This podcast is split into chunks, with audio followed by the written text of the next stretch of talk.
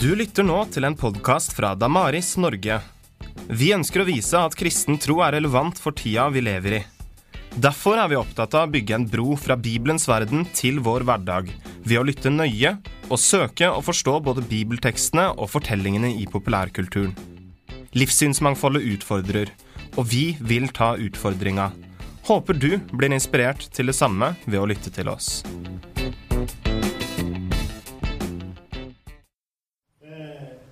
I hvert fall så er temaet nå er jo veldig aktuelt av mange grunner. Eh, Jeg hørte en gang som, en som definerte det ondes problem som at hver gang han krøp opp i badekaret, så ringte telefonen. Kanskje du heller vil definere det som at eh, når et uhell skjer, så er det også regn. For eksempel. Det vil si, når vi eh, eh, passerte her eh, eh, i går på veien, så vil regnet slutta 500 meter før Kongeparken. Vi passerte her. Det var liksom litt spesielt. Men i hvert fall, det ondes problem. Det er mange ting, og jeg skal prøve å dele litt med dere. Invitere dere til å tenke litt sammen med meg om dette. Et veldig stort tema, viktig tema og vanskelig tema.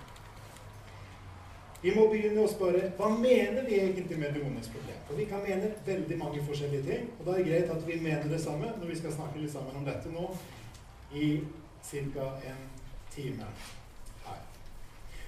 Vi kan i hvert fall mene to forskjellige ting. Det ene er at det at Gud både skulle være god og allmektig når det er så mye ondt og lidelse i verden, det er helt umulig. Det er ulogisk. Altså Guds godhet og Guds allmakt sett sammen i forhold til det onde og lidelsen. Helt umulig, helt utenkelig, fullstendig ulogisk. Det er kanskje det, det dere møter ofte i lærebøker hos enkeltpersoner, venner, familie. All verden kan du tro på Gud? Det er jo fullstendig umulig å tenke seg det. Eller en litt annen utgave. Det er ikke umulig, men det er usannsynlig. Ser dere forskjellen? Da er det ikke fullstendig helt umulig, sånn at det kolliderer sånn. Men det er usannsynlig. Det er sannsynligvis ikke slik at Gud både kan være god og kan være allmektig når det er så mye ondt og lidelse. Noen mennesker bruker dette som en innvending i møte med å tro på Gud i hele tatt. At For mange så er det på en måte Nei, Gud kan vel ikke finnes når det er så mye vondt og så mye lidelse som skjer. Andre bruker det som en innvending enten mot Guds godhet eller mot Guds allmakt. Så tenker jeg på at det kan være mange grunner til at du sitter nå og lytter til dette seminaret. For ofte er det slik at det første og viktigste er kanskje ikke å si noe i møte med dette. Har dere lest Forkynneren 3.7? Det er én tid til å tie og én tid til å tale. Det gjelder i hvert fall om dette temaet. Og jeg har lyst til å si hva dette ikke er. Jeg ønsker ikke å si at vi kan forklare lidelsen i møte med en enkeltperson eller i møte med vårt eget liv. At vi kan forklare lidelsens hvorfor. For det tror jeg ofte er et mysterium. Kanskje i et kristent perspektiv så ser vi ikke det før vi ser det fra det evige livets perspektiv. Derfor er det absolutt én tid til å tale. Dere vet det at vi har fått to ører ved en munn sant, for å lytte dobbelt så mye forhåpentligvis som vi taler. For noen, av oss som driver med å tale det, så er det utfordrende. Men jeg vet ikke hvordan det er for deg i møte med venner og familie, men la oss prøve å lytte. Veldig mange mennesker sitter med sår. Sitter med spørsmål, sitter med tvil. Jeg tror vi alle gjør det av og til. Jeg driver og leser en bok for tida. Ja, det er for så vidt ikke noen overraskelse at jeg gjør det, men akkurat nå var det en bok her som jeg tenkte på. Ravi Zakarias, en indisk-kanadisk evangelist, fantastisk formidler, som skriver en bok 'Has Christianity Failed You?' Han har reist over hele verden Og så oppdaga han etter at yngre medarbeidere sa til ham du må lytte enda mer til hva mennesket sier. Han var flink til å lytte fra før. Han måtte lytte enda mer. Og veldig mange sa at det var, de følte seg svikta av kristen tro. De følte seg svikta av Gud selv, ikke minst på lidelsens og det onde området. Noen følte det utenfor kirken, andre følte det innenfor kirken. Han forteller f.eks. For om en person som han møtte, som på utsida lever et vellykket kristent liv. Men så døde han. På innsida hadde han gitt opp troen. Fordi han hadde ikke noe svar i møte med det onde. Og Derfor heter kapitlet om det onde i denne boka Jeg leste første kapittel fordi jeg skulle ha dette seminaret. og det var litt. Så heter det kapitlet 'Looking incoherence in the eye'. Å se det som virker som være motsigelser, rett inn i øyet. Jeg tror det er det vi må gjøre som kristne. Vi må tørre å la oss utfordre.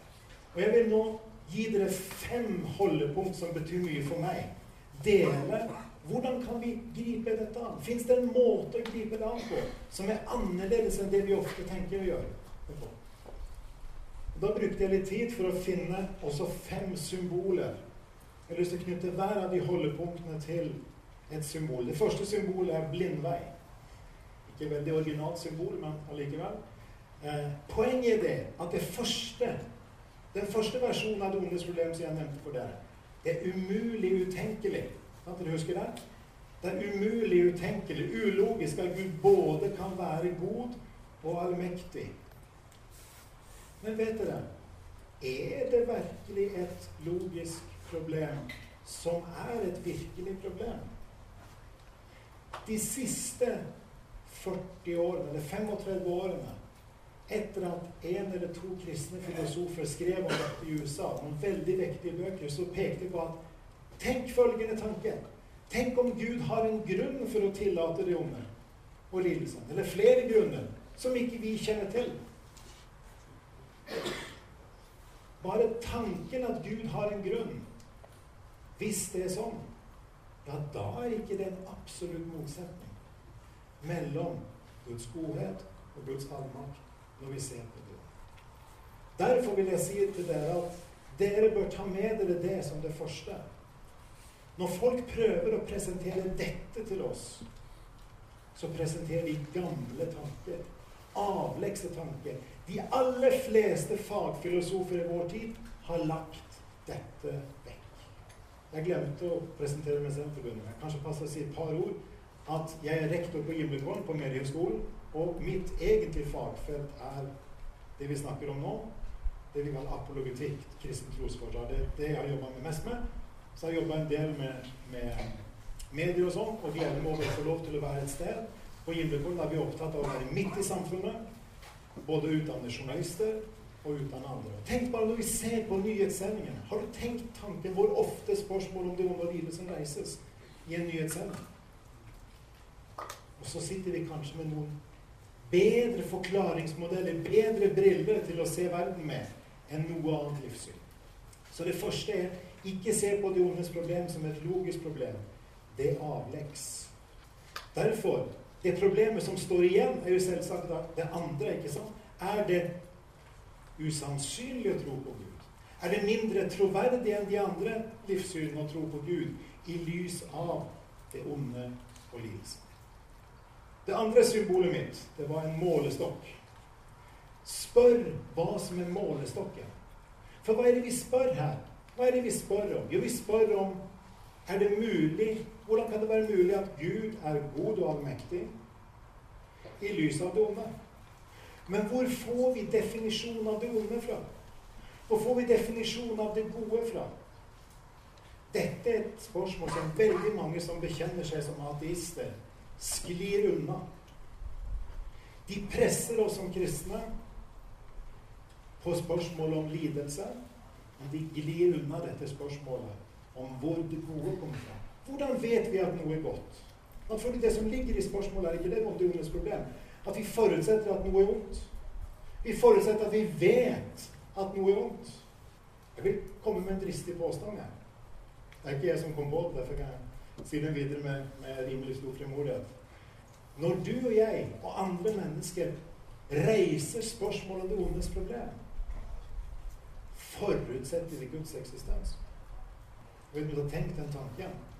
For, for egentlig tror jeg det er vanskelig å tenke seg at det finnes en standard annet enn Gud selv. Det er det som er det tradisjonelle kristne svaret gjennom historien. Hvordan vet vi at noe er godt? Jo, Guds vesen, hvem Gud er. Og det kommer til uttrykk i Guds vilje, i hans bud. Det uttrykker både de grunnlaget for de objektive moralske verdiene, altså hva som er rett, hva som er godt, ikke sant? og uttrykket for de moralske pliktene, hva vi bør gjøre.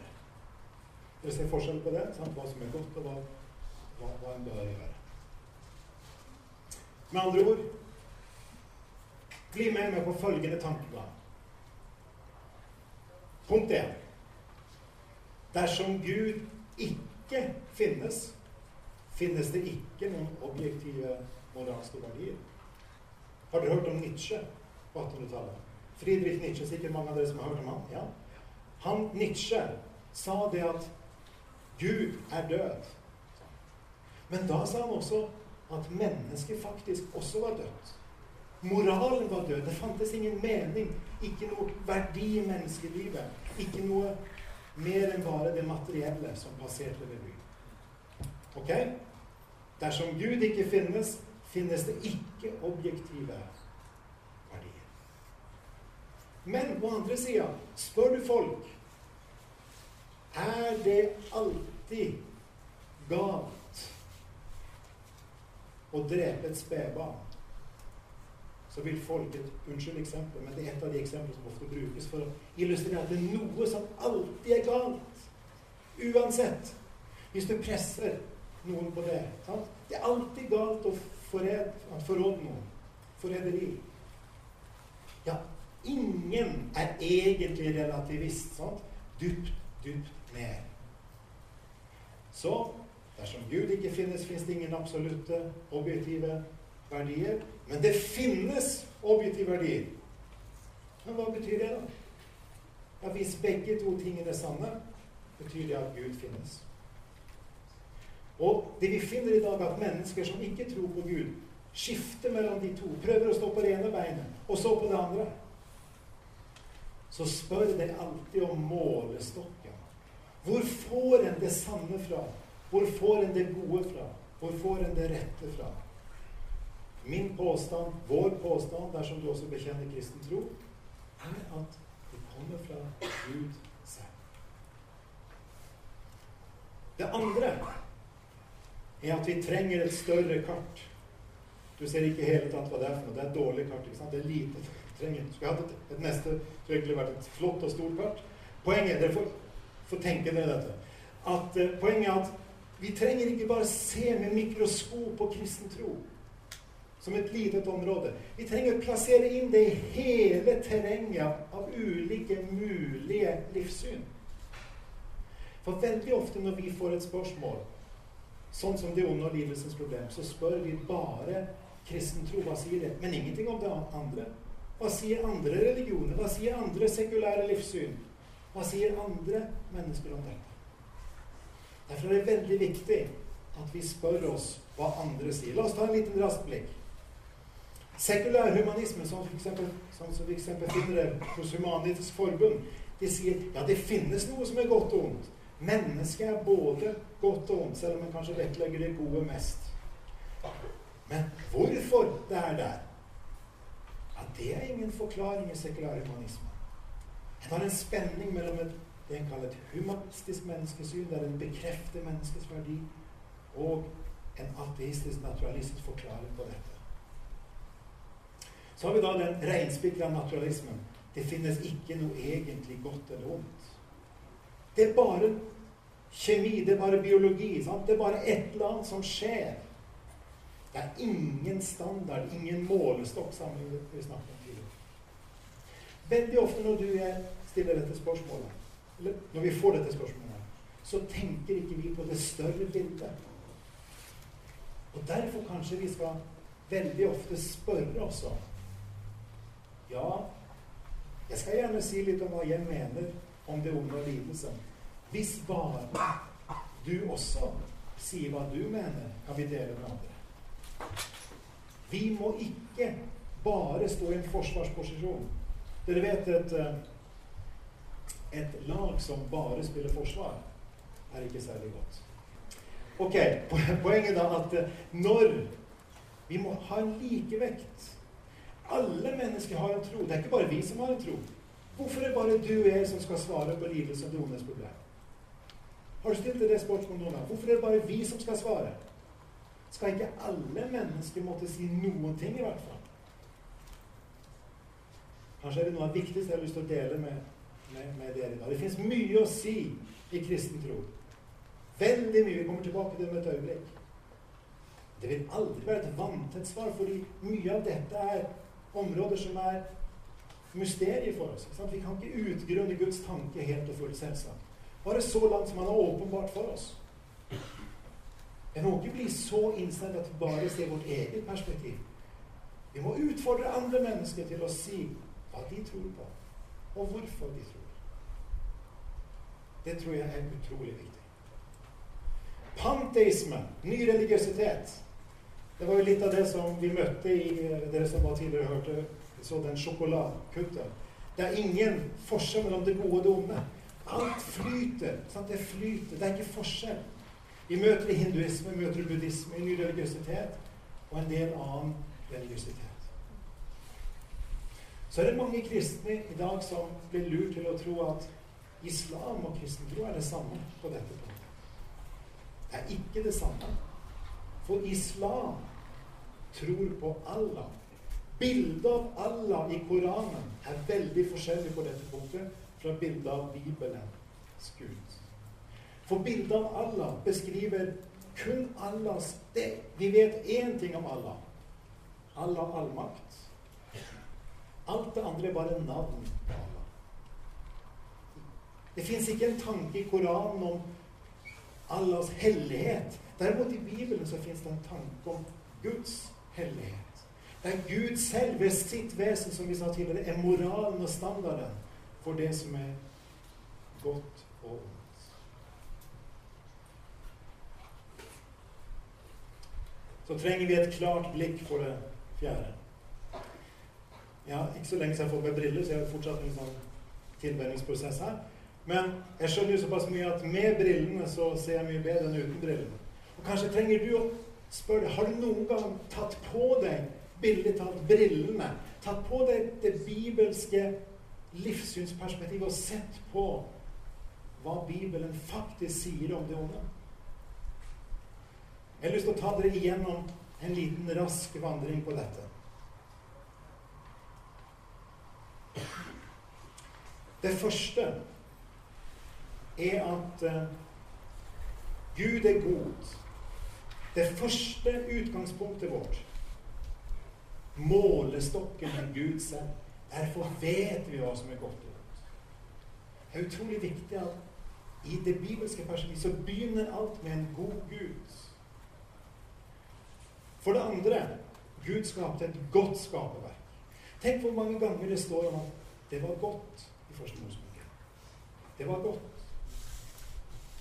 Det var en godhet som rådde i skaperverket. En harmoni, en helhet. Dere vet, kjenner til hebraisk ordet shalom. Det betyr fred i betydningen helhet. Det henger sammen.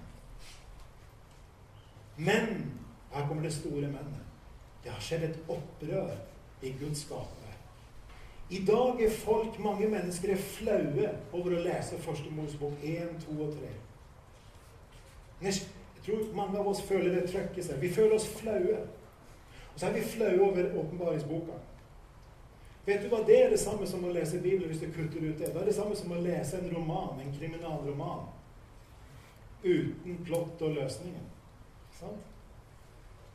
Vi kunne gått inn på første Mosebok og sett hva det egentlig sier noe om.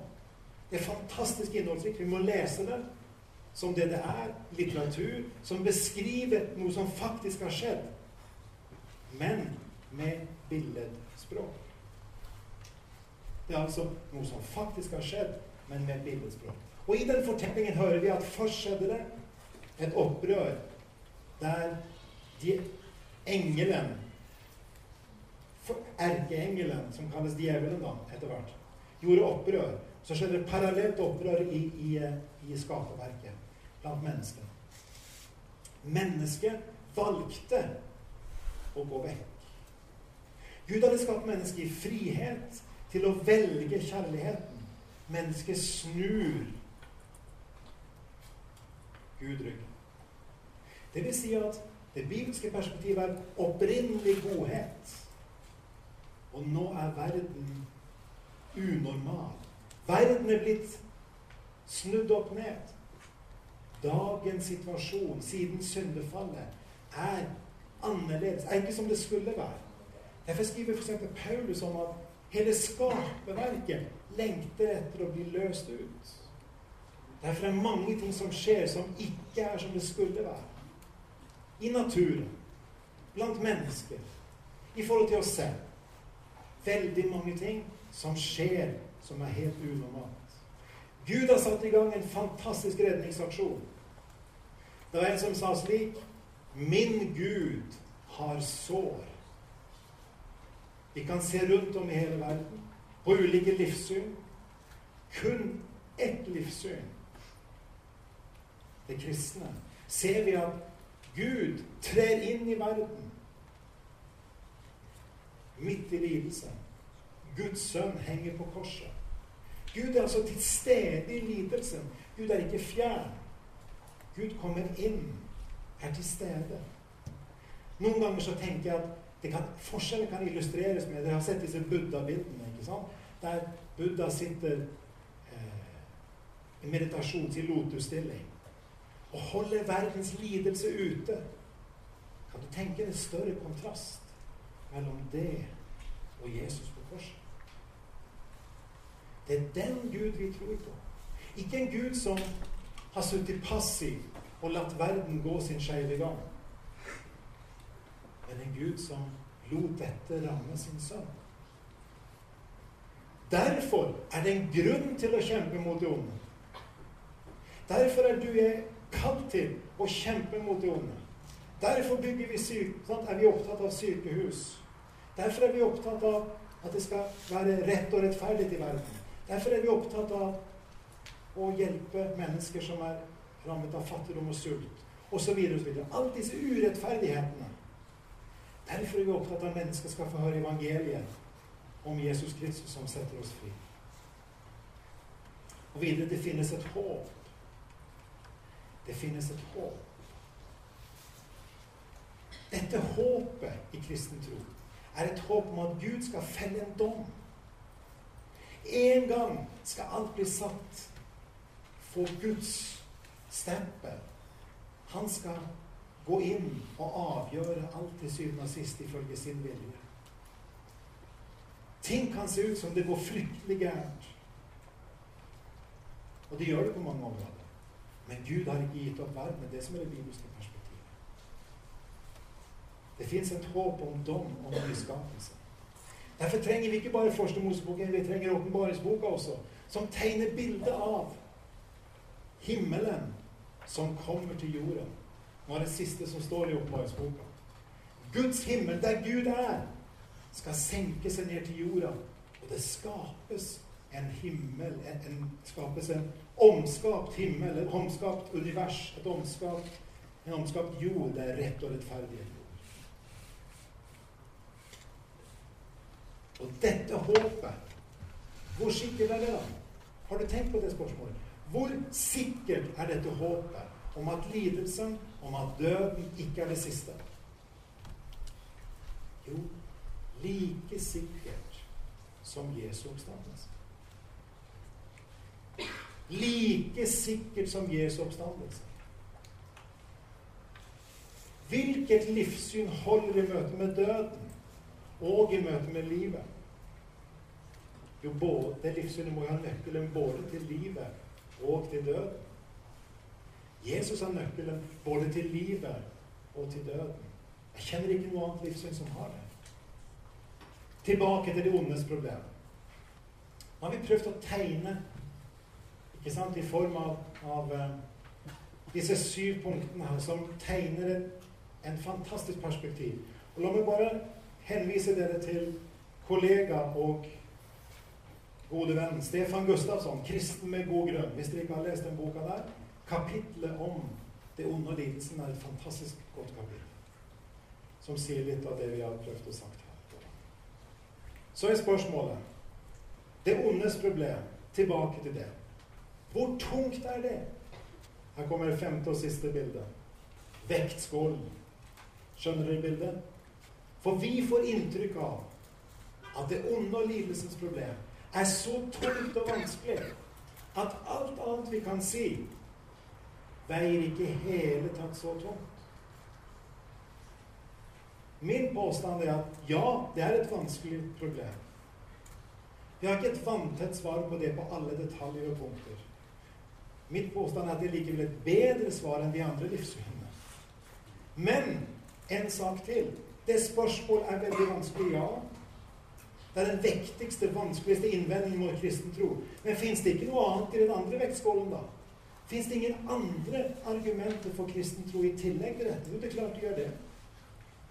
La meg nevne noen av dem. Hvorfor eksisterer noe i hele tatt? Troen på Gud som skapte hele universet. Det kan gis veldig mange gode grunner for det.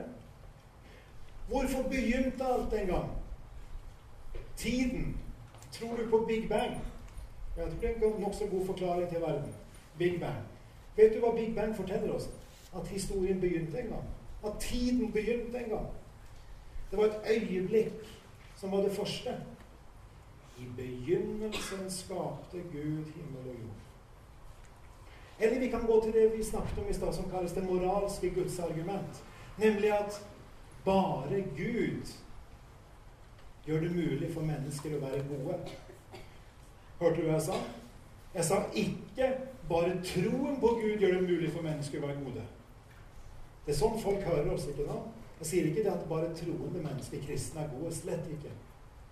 Mennesker kan være gode, uavhengig av personlig tro. Fordi Gud har skapt oss slik som mennesker. Uavhengig av personlig tro. Og så ikke minst hva skjedde med Jesus? Hvordan skal vi forklare Jesus? Hvordan skal vi forklare oppstandelsen? Ser du, når vi begynner å legge andre ting i den andre vektskålen, så er det i hvert fall like tungt, for å ikke si tyngre. Så for å være rettferdig mot hele spørsmålet om sannhet, så kan vi ikke bare se på det ondes problem og lidelse. Vi må også se på andre ting og spørre hvor tungt veier det spørsmålet i forhold til alt det andre. Ok, så langt har vi sagt det å se på det onde og lidelsen som et logisk problem, det er en blindvei. For det kan tenkes Gud har grunner for det. Så kanskje vet vi ikke om alt. Sikkert er det slik å tenke. For det andre målestokken er Gud selv for hva som er godt og ondt. For det tredje vi trenger å se alle livssyn, ikke bare kristen tro, for å kunne sammenligne. Ikke bare at du skal svare på spørsmål, men du skal også forvente at andre skal kunne si noe om hva de mener om dette. Både angrep og forsvar, til forskjell fra et visst sørlandslag. Og så trenger vi et blikket som ser perspektivet. Som ser hele bildet. Hele den store fortellingen fra plottet til løsningen og alt midt imellom. Og så trenger vi å tenke gjennom vektskålene. Hva er det som veier tungt og lett? Jeg har et sitat her, og etter det sitatet har jeg lyst til å åpne opp for spørsmål, for det kan være at mange av dere sitter med ting som dere har lyst til å, å spørre om, og så bruker vi litt tid på det. Et sitat fra boka her, Ravi Zakaria sin bok, 'Has Christianity Failed You?' Og tenk over dette sitatet. To walk away from one's Christian faith because of unanswered questions about evil is to walk into a storm of unanswered questions about good. Altså det å vandre vekk fra Gud, fra kristen tro, pga. ubesvarte spørsmål om det onde. Det å vandre inn i en storm av ubesvarte spørsmål om det gode. Det sitatet der er verdt å tenke over mer enn én en gang. Det fanger opp veldig mange av de tingene vi har sagt. Jeg har lyst til at vi skal bli stille et lite øyeblikk og reflektere over det vi har sagt. Be lite grann, og så åpner vi opp for spørsmål. Kjære himmelske Far. Bibelen beskriver deg som skaper, som opprettholder. Så er vi små mennesker som ikke ser hele bildet, men vi ser så langt som du har åpenbart det for oss. Herre, vis oss ditt perspektiv. Gi oss frimodighet til å spørre andre hva de tror på. Og gi oss frimodighet til å dele troen på deg som skaper, Jesus som livets herre. Ber om det i ditt eget navn, og ber om at de av oss som akkurat nå står i vanskelige personlige situasjoner der din nærhet betyr mer enn tankemessige svar. Vi ber at du skal møte oss sånn som bare du kan møte i slike situasjoner. Med din fred, din hvile og din trøst. I Jesu navn. Da åpner vi opp for eh, en dialog. Jeg håper at det er noen som har lyst til å komme med tanker, spørsmål, innvendinger, kommentarer. Og et spørsmål bak der? Ja. Eh, hvis Gud er allmektig, han er god, allvitende Hvis han visste at englene kom til å opprør, hvorfor skapte han englene? Takk for et viktig og godt spørsmål. Eh, det samme spørsmål kan egentlig fortsettes også med mennesker. Hvorfor skapte han mennesker? Så hvorfor skapte han på forhånd noen som han visste på forhånd ville, ville falle? Ville snu, snu uh, mot Gud? Jeg syns dette er et vanskelig spørsmål, men la, oss, la meg dele litt av hva jeg tenker om det.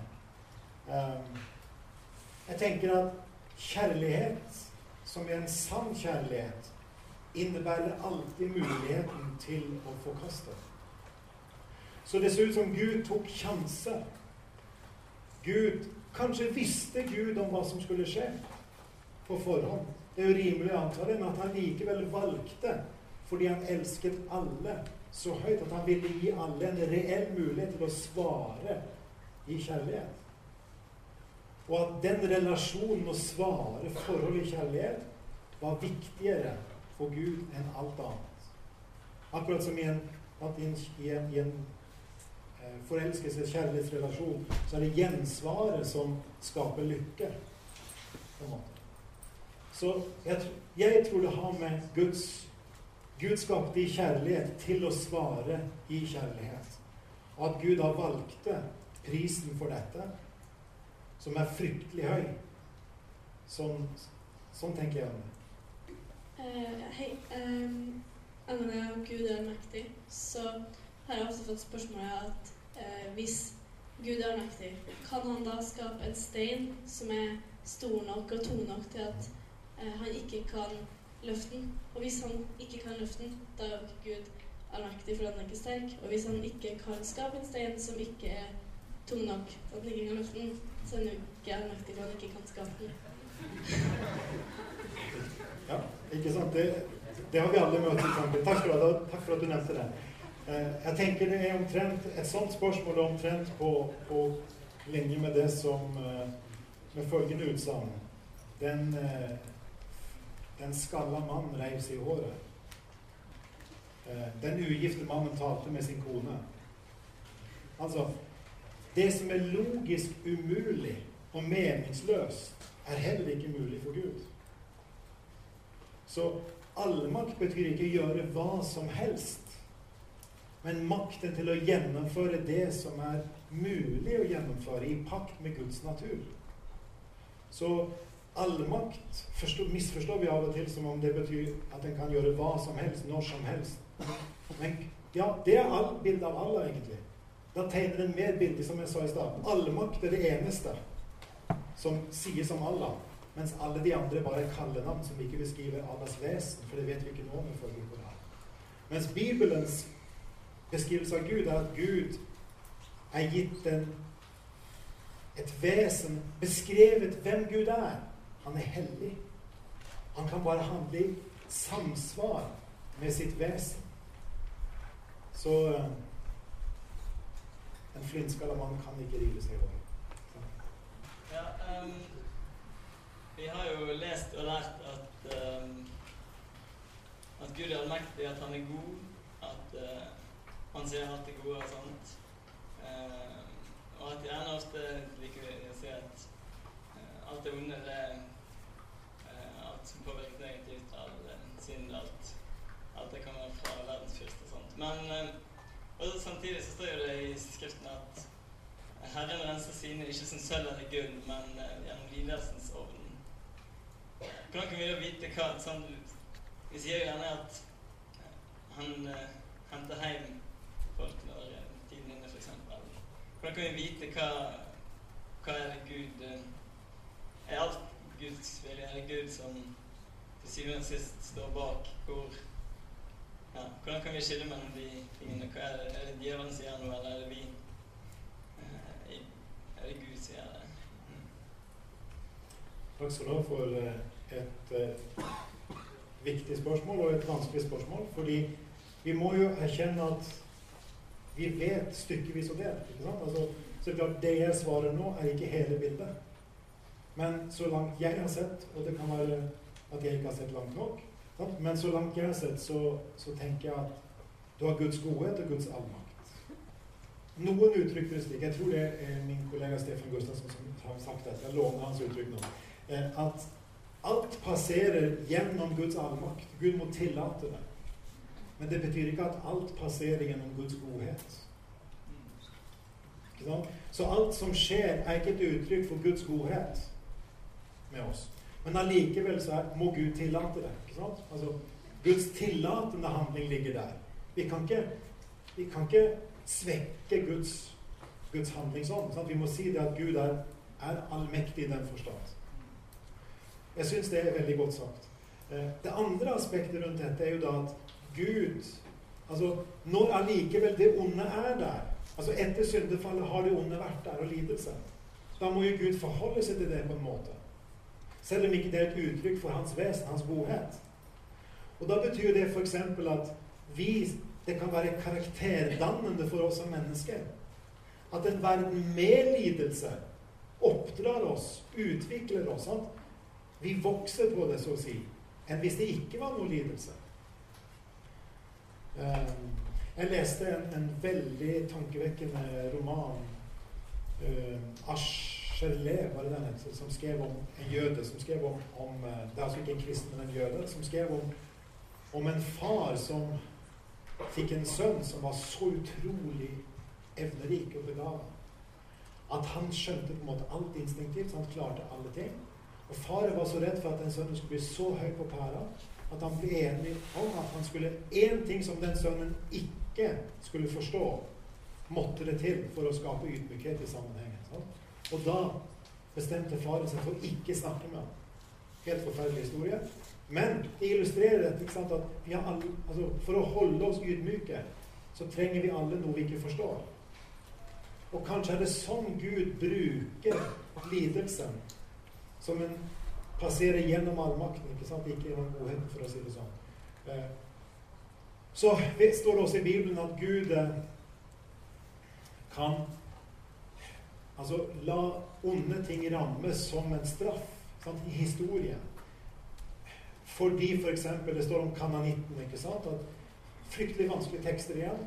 Men det står om at det var så mye synd. At det var akkurat som synden fylte opp et glass. Og når glasset ble fullt, så rant det over. Og da rant det over på mennesket selv. Jeg husker Det var ikke lenge siden eh, Margot og jeg var i Sentral-Europa på et sted der, der nazisten hadde et hovedsete eh, under krigen. Og eh, en av de som først ble, ble tiltrukket av, av nazismen, eh, helt til å begynne med, sa men til Hitler selv hadde sagt men hvis ikke du endrer syn på jødene, vil det gå deg riktig galt. Sånn. På en måte den der dynamikken å handle grunnleggende mot det som er rett, rammer oss til syvende og sist. Og da kan det være et uttrykk for at Gud handler gjennom det, uten at vi ser hele bildet. Men det var noen tanker om dette. Jeg har bare en liten kommentar til det. Uh, en liten tankevekker. Hva med det godes problem? Hvorfor skulle vi ha glede? Hvorfor skulle det være en glede å spise, reprodusere, som det har vært snakk om tidligere? Dyr klarer dette uten noe glede. Bakterier splitter seg selv, osv. Liten tankevekker. Takk skal du ha. Da er det jo egentlig til det siste sitatet. ikke sant? Det å ta avstand fra Gud pga. det ondes problem leder oss inn i det godes problem. Eh, jeg bare kom og tenker på apostelgjerningene, kapittel 14, der det står om at eh, Paulus er i Lystra. Og så sier han følgende her Fra himmelen Altså, han sier dette til mennesker som ikke bekjenner kristen tro. Sier. Fra himmelen sendte Gud dere regn og grøde i rett tid. Han har gitt dere føde og fylt hjertene med glede. Hvor kommer gleden fra i livet? Fra Gud, står det her. Dette er ikke sagt til en kristen forsamling. Sant? Det er sagt til de som ikke bekjenner kristen tro. Før de kom til tro. Så eh, C.S. Lewis kjenner dere kanskje til, han som, som skrev 'Løven, heksa og klesskapet'. Narnia-bøkene. Han skrev, hans selvbiografi kalte han 'Surprised by joy'. Overrasket av glede. Altså Gud etterjager oss med glede, skriver han. The hound of heaven. Himmelens hund er på jakt etter oss, i hans billedspråk, og overrasker oss med glede. Takk for et uh, viktig moment.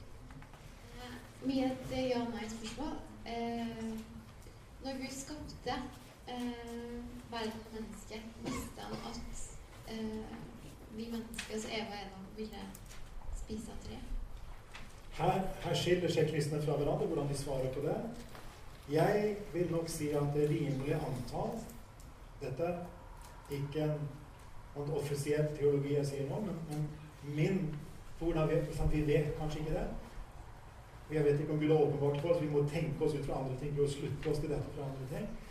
Jeg tror det er rimelig å tenke at Gud vet noe om fremtiden, men at han ikke bestemmer fremtiden. At han vet hva som vil kunne komme til å skje, men at han ikke bestemmer fremtiden. Så Derfor tror jeg det at Gud visste, og at han skapte mennesket pga. kjærlighet. Og at det var kjærlighetens pris. Sann kjærlighetspris er mulighet til å forkaste. Så selv når han da i utgangspunktet, visste det er riktig, visste dette Og jeg er ikke 100 sikker, men, men, for meg virker det mest sannsynlig, uten at jeg er bombesikker på det. Men, men poenget er da at Gud allikevel skapte fordi mennesket var verdifullt. Fordi hvert bidige menneske, uansett hva Gud vet om det, har mennesket uendelig verdi. ikke sant? Gud har ikke verdiskala ut fra i tilfelle hva han vet. Men det er uansett en, en uendelig verdi. Så eh, Men nå er vi et stykke inn i Guds tanke, og jeg vet ikke hvor langt han er åpenbart om det. Men eh, det er et viktig spørsmål. Takk. Kan djevelen utrette noe? F.eks. ta det på en skobånd uten at noen mennesker sånn, på på. Så om djevelen kan det rusa? Ja, man kan utrette noe. Ja. Eh, ja. Godt spørsmål. Ja, jeg tror, jeg tror djevelen har en Jeg tror djevelen har en, en makt. Det står jo om det. Denne verdens fyrste, hva betyr det? Eller det må jo bety en viss grad av makt. Men fyrsten er beseiret. Eh, Altså, Bildet har jo vært noen ganger om forskjellen mellom Vi kjenner jo annen verdenskrigs historie nok til å vite forskjellen på D-dagen og V-dagen. Sant? D-dagen 6. juli Normandie 1944 og V-dagen i mai 45. I den perioden så var, var Krigen var avgjort, men det skjedde veldig mye rart allikevel. Og det bildet tror jeg kan brukes også for å illustrere, for å, for å tenke oss sånn analogt her. Parallellen. Eh, djevelen har en viss grad av makt. Så jeg utelukker ikke at det kan skje, det du beskriver, som et eksempel. Eh, noen, jeg tror det var Luther kanskje som nevnte djevelen som Guds lenkehund. Altså, det var en grense hvor langt lenken gikk. ikke sant? Altså En eller annen plass i grensen for den makten. Derfor er det frihet fra frykt, som vi hørte tidligere, dere som var på det seminaret Margunn hadde, eh, som er poenget. sant? For, for, det er veldig mye frykt for djevelen, som vi leser om i, i, i, i Nytestamentet. Og da er det onde som skjer i den forstand, er bare destruktivt, ikke sant? Og, og noen har brukt bildet om uh, The encircling eyes. Altså Tenk dere bildet av et, et leirbål som, som, synker. Og så er det ulvene rundt som, sant, som trekker inn når ilden blir svakere. The encircling som øynene på ulvene som går rundt. Noen brukte bildet om, om, vestverden på det. Så lenge vi hadde en sterk kristen tradisjon, så ble okkultisme og djevelens åpenlyse handling, for å si det sånn, ble holdt med på avstand. Men i pakt med at leirbålene får mindre kraft, så kommer også øynene nærmere. Er et veldig talende bilde som også kan fylle oss med frykt, eller fylle oss med bønn. Bønn til Gud om å kjempe. For vi kjemper ikke en makt til syvende og sist mot mennesker, men mot makter og myndigheter, som det står i Fesene 6. Det er veldig viktig at når vi snakker om disse tingene, så er vi medmennesker, medvandrere. Det var derfor jeg mente at noe av det viktigste vi kan gjøre, er å stille andre mennesker spørsmål om dette. Vekke nysgjerrigheten på hva tror de på. Altfor få mennesker i dag har stilt spørsmålet hva de tror på selv. Og begynt å tenke på om den troen er holdbar i møte med livet eller i møte med død. Vel, det var et langt svar på et godt spørsmål. Eh, jeg bare lurte på det at hvis eh, Lucifer ikke hadde fantes, eh, hadde, det, hadde det vært noen ondskap da i verden? Takk for spørsmålet. Eh, så hvis Lucifer ikke fantes, hadde det vært ondskap i verden? Jeg ser for meg at det var to parallelle fall ikke sant? Eh, som ligger ene her og det andre bakover i tid. Og at først var det Lucifer som falt, og så var det mennesket som falt. Og det er klart at i Første Mosebok 3 så er det Lucifer, den onde, eller bildet av slangen, da, som frister.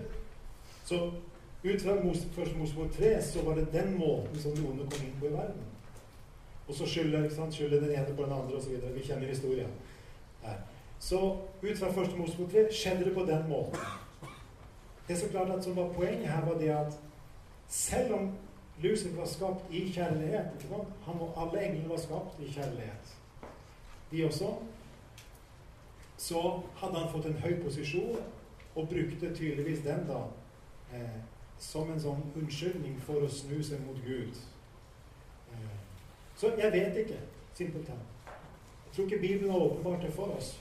Men det kan jo tenkes at Gud At mennesket allikevel ville funnet en måte på selv å snu seg mot Gud uten at djevelen var først ikke sant, og lurte. Men det vet vi ikke. Men det vi vet, er hva som skjedde og at begge, både erkeengelen Lucifer og mennesket, ikke valgte kjærlighetens vei i møte med Gud. Um, jeg et spørsmål om fri vilje. Uh, ja. Så står Gud planlagt uh, hvert menneske før det ble skapt. Um, så hvis da Gud har planlagt menneske, uh, da forutsetter det at to mennesker møtes og da får et barn sammen, uh, har man egentlig helt frivillig? Eller hvordan kan Gud planlegge det hvis man har frivillig? Her er vi inne på små spørsmål. uh, takk for et godt spørsmål. Eh, det som i hvert fall er klart, at Gud skapte opprinnelig mennesket med en helt fri vilje. Det er ikke tvil om. Det er alle si, bibeltro teologer enige om at er det. Så beskriver den situasjonen nå litt forskjellig. Hvor fri er vår vilje i forhold til Gud? Eh, I dag En kan vel si det sånn at viljen vår er ikke helt fri fordi vi er prega av synden. Hvorfor skulle vilje være un unntatt når alt annet er påvirka? Så sånn sett så er viljen vår ja, preget av det. Så du kan si fra Guds perspektiv så bestemmer han ikke Jeg tror ikke Gud bestemmer noens skjebner. Men Gud på en måte gir oss et liv. Spørsmålet er hva svarer vi på det? Så viljen vår er ikke absolutt fri. Tanken vår er ikke absolutt fri. Følelsene våre ikke sant? Ingenting er absolutt fritt. Men det betyr ikke at ikke det er meningsfullt, det som skjer. Så Gud gir oss et liv. Hva svarer vi på det? Sånn tenker jeg der, eh, Men opprinnelig så var viljen absolutt fri før syndefallet. Jesus sier jo at vi skal elske våre fiender. Um, så har jeg lurt litt på elsker Gud djevelen og eller demonene? Altså, ingenting eksisterer som ikke Gud har skapt. Altså ingen personlige vesener. Englene er jo personlige vesener uten legeme. Har dere tenkt på det, forresten? Hvor godt englenes eksistens er motbeviser, eller et godt argument mot ateisme. For ateister, hvis den er veldig lang konsekvens, så sier hun jo at det bare fins materielle ting. Her har vi personligheter uten legeme. Test ut den. ikke sant? Den er interessant. Det var litt ved siden av spørsmålet, beklager. Eh, men i hvert fall, så Ja, jeg tror at Gud har skapt alle personer i universet. Men de snudde seg mot Gud. Så sånn sett Opprinnelig var det en kjærlighetstanke. Men det er klart, når mennesket snur seg mot Gud, eller når Lucifer gjorde det, og hans engler, så blir det jo en relasjon som er preget av forkastelse. Da står det jo i Bibelen at Gud svarer da med forherdelse. I hvert fall i en del situasjoner ser det ut til det. ikke sant? Og da kan du si at Gud elsket opprinnelig, men i og med at, mennesk, at djevelen og hans engler har tatt avstand, så er jo de under dommen. Og derfor ikke gjenstand for Guds aktive, oppsøkende kjærlighet. Men utgangspunktet var kjærlighet også der. Og det begynte med at de snudde Gud ryggen, og så ser vi hva som skjer. Takk for eh, gode spørsmål. Jeg har lyst til å si det at det er viktig at vi prøver å tenke tanken så langt som Gud har åpenbart det, men ikke lenger. Takk skal du ha.